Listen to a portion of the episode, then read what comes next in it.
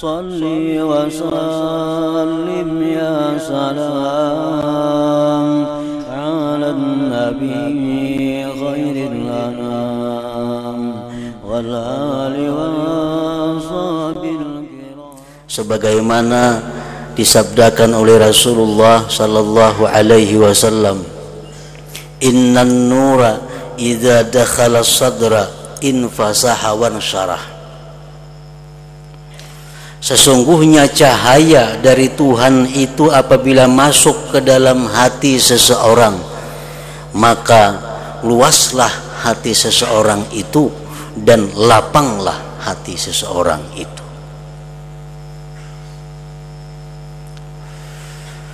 Sahabat Rasulullah bertanya, "Fakila ya Rasulullah, hal lidzalika min alamatin yu'rab?" Adakah yang demikian itu wahai Rasulullah tandanya? Bagaimana tandanya orang yang berhati lapang itu? Apa alamatnya orang-orang yang hatinya diberikan cahaya oleh Allah Subhanahu wa taala? Apakah itu ada alamatnya wahai, Rasul, wahai Rasulullah? Qala na'am. Jawab Nabi, ada. Ada tandanya orang-orang yang berhati lapang itu. Ada tandanya orang-orang yang berhati diberi cahaya oleh Allah Subhanahu wa taala. Yang pertama tandanya kata Rasulullah at-tajafi andaril wurur yang kedua wal inabatu ila daril khulud yang ketiga wal isti'dadu lil mauti qabla nuzulil maut. Pertama tandanya orang yang hatinya itu bercahaya. At-tajafi anil gurur yaitu merenggang merenggang dari negeri tipu daya ini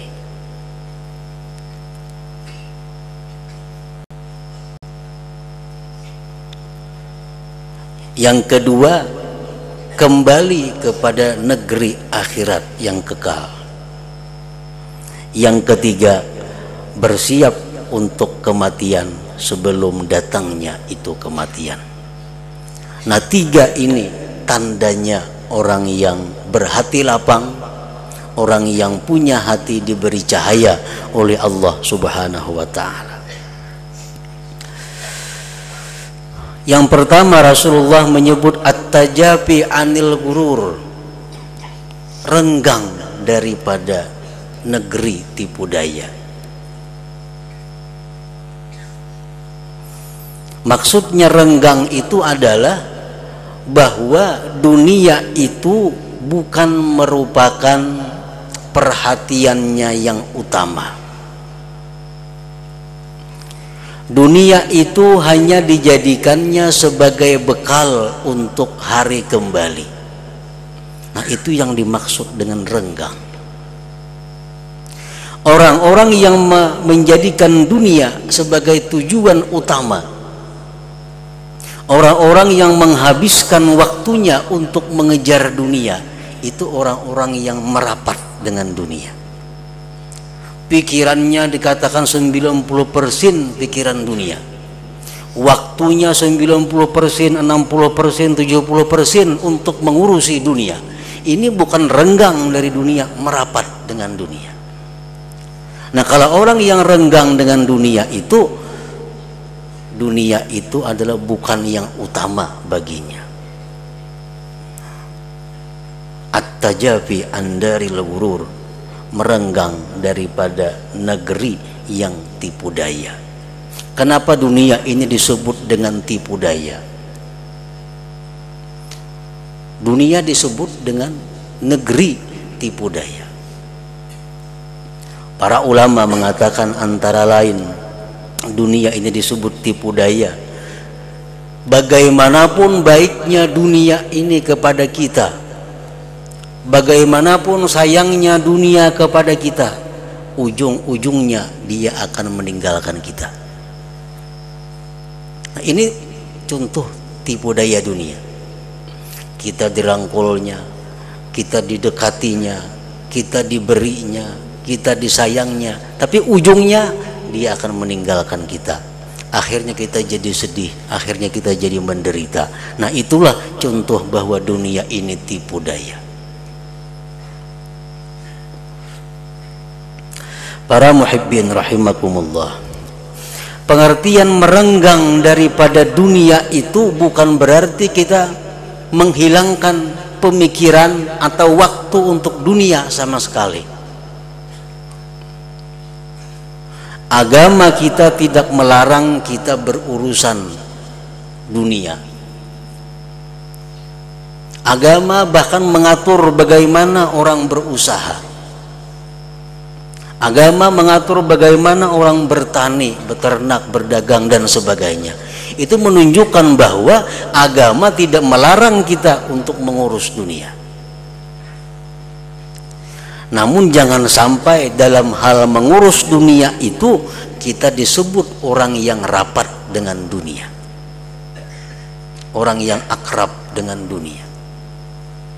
Karena rapatnya kita dengan dunia, akrabnya kita dengan dunia sehingga menyita banyak perhatian kita, menyita banyak waktu kita, itu menunjukkan hati kita sempit, hati kita tidak ada cahaya dari Allah Subhanahu wa taala. Para muhibbin rahimakumullah.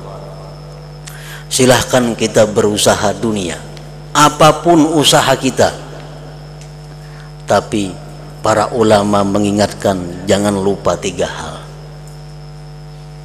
Kalau tiga perkara ini kita langgar, itu menunjukkan bahwa kita sudah termasuk orang yang terjerumus ke dalam jurang dunia. Tapi kalau tiga perkara ini masih bisa kita pelihara, kita masih bisa selamat daripada yang dicela. Yang pertama mereka ulama mengatakan kepada orang-orang yang berurusan dengan dunia seperti berusaha dan sebagainya. Yang pertama an-niyatus salihah, niat yang baik. Nak berdagang silahkan, nak bertani silahkan, bakabun, beternak, jadi pegawai, jadi buruh, jadi apa silahkan. Tapi pertama niatnya bagus.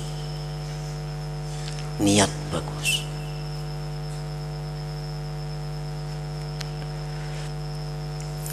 Rasulullah sallallahu alaihi wasallam bersabda Man talabat dunya halalan isti'fafan anil mas'alah wa ala ahlihi wa ta'attufan ala jarihi ba'athahu Allah yaumal qiyamah wa wajhuhu kal qamari badar.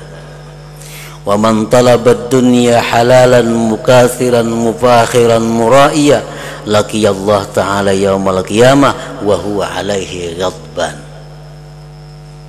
Nah ini Rasulullah menerangkan bagaimana orang yang mencari dunia dengan niat.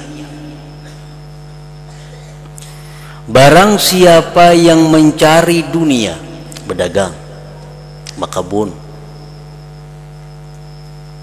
halalan halal jangan yang haram yang halal. Niatnya mencari dunia yang halal itu adalah isti'fafan anil masalah karena menghindari daripada mengemis mengusahakan untuk keluarganya dan membantu tetangga-tetangga yang memerlukannya. Nah, kalau kita berusaha dengan niat seperti itu, ba'asahullah yaumal qiyamah wa wajhuhu kal kamar lailatal badar. Allah bangkit nanti di hari kiamat wajahnya seperti bulan purnama. Nah, ini bedagangnya kan jadi masalah. Niat kita. Kita mulai turun rumah hendak usaha itu apa garang tujuan kita?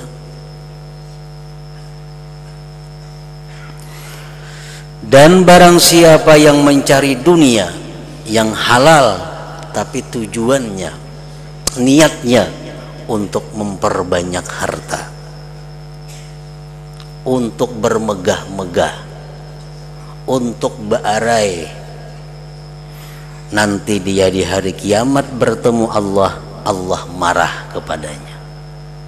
Nah ini contoh orang yang mencari dunia tapi niatnya kada baik. Padahal dagangannya sama yang dijualnya sama. Cuman saya punya niatnya bagus kayaknya hari kiamat bercahaya wajah seperti bulan pertama bulan purnama. Nang saya kong ini niatnya kada baik Allah marah. Nah jadi silahkan kita mengurus dunia tapi jangan lupa bahwa niatus salihah itu mesti ada niat yang bagus. Berusaha dengan niat supaya kawan naik haji bagus. Berusaha dengan niat supaya kawan umrah bagus. Dengan niat berusaha dapat keuntungan saya membantu tetangga membantu ini sebagainya. Nah itu niat yang bagus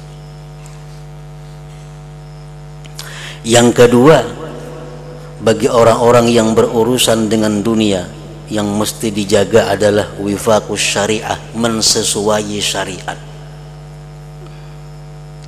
berdagang sudah diatur oleh agama bagaimana cara berdagang yang sah, bagaimana cara berdagang yang tidak sah. Bagaimana cara berusaha yang diridai Allah, bagaimana cara usaha yang dimurkai Allah. Untuk menyiwakan apa silahkan menjadi tukang siwa. Tapi sesuai dengan syariah.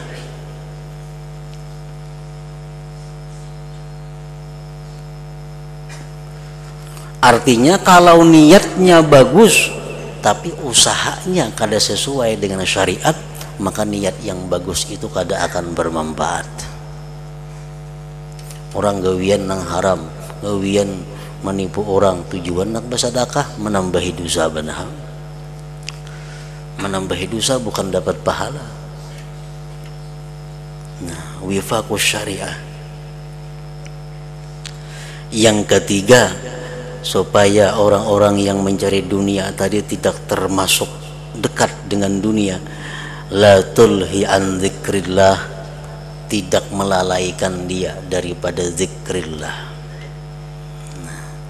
waktu sembahyang kada terganggu. Waktu membaca Quran kada terganggu. Waktu menuntut ilmu kada terganggu. Waktu membaca wirid kada terganggu. Karena dagangannya karena pekerjaannya semua teratur. Nah, berdagang ya berdagang karena zikir ada lagi jam-jam tertentu. Nah, sehingga dagangannya itu kadang mengganggu dengan zikrullah, dengan sembahyang dan semisalnya. Nah, bila mana kita bisa berusaha dengan tiga perkara tadi, niatnya bagus, usahanya sesuai syariah dan kita tidak melalaikan mengingat Allah Subhanahu wa taala, maka kita termasuk sudah dalam golongan orang-orang yang renggang daripada dunia tadi yang menunjukkan bahwa dada kita hati kita lapang hati kita diberi cahaya dari Allah Subhanahu wa taala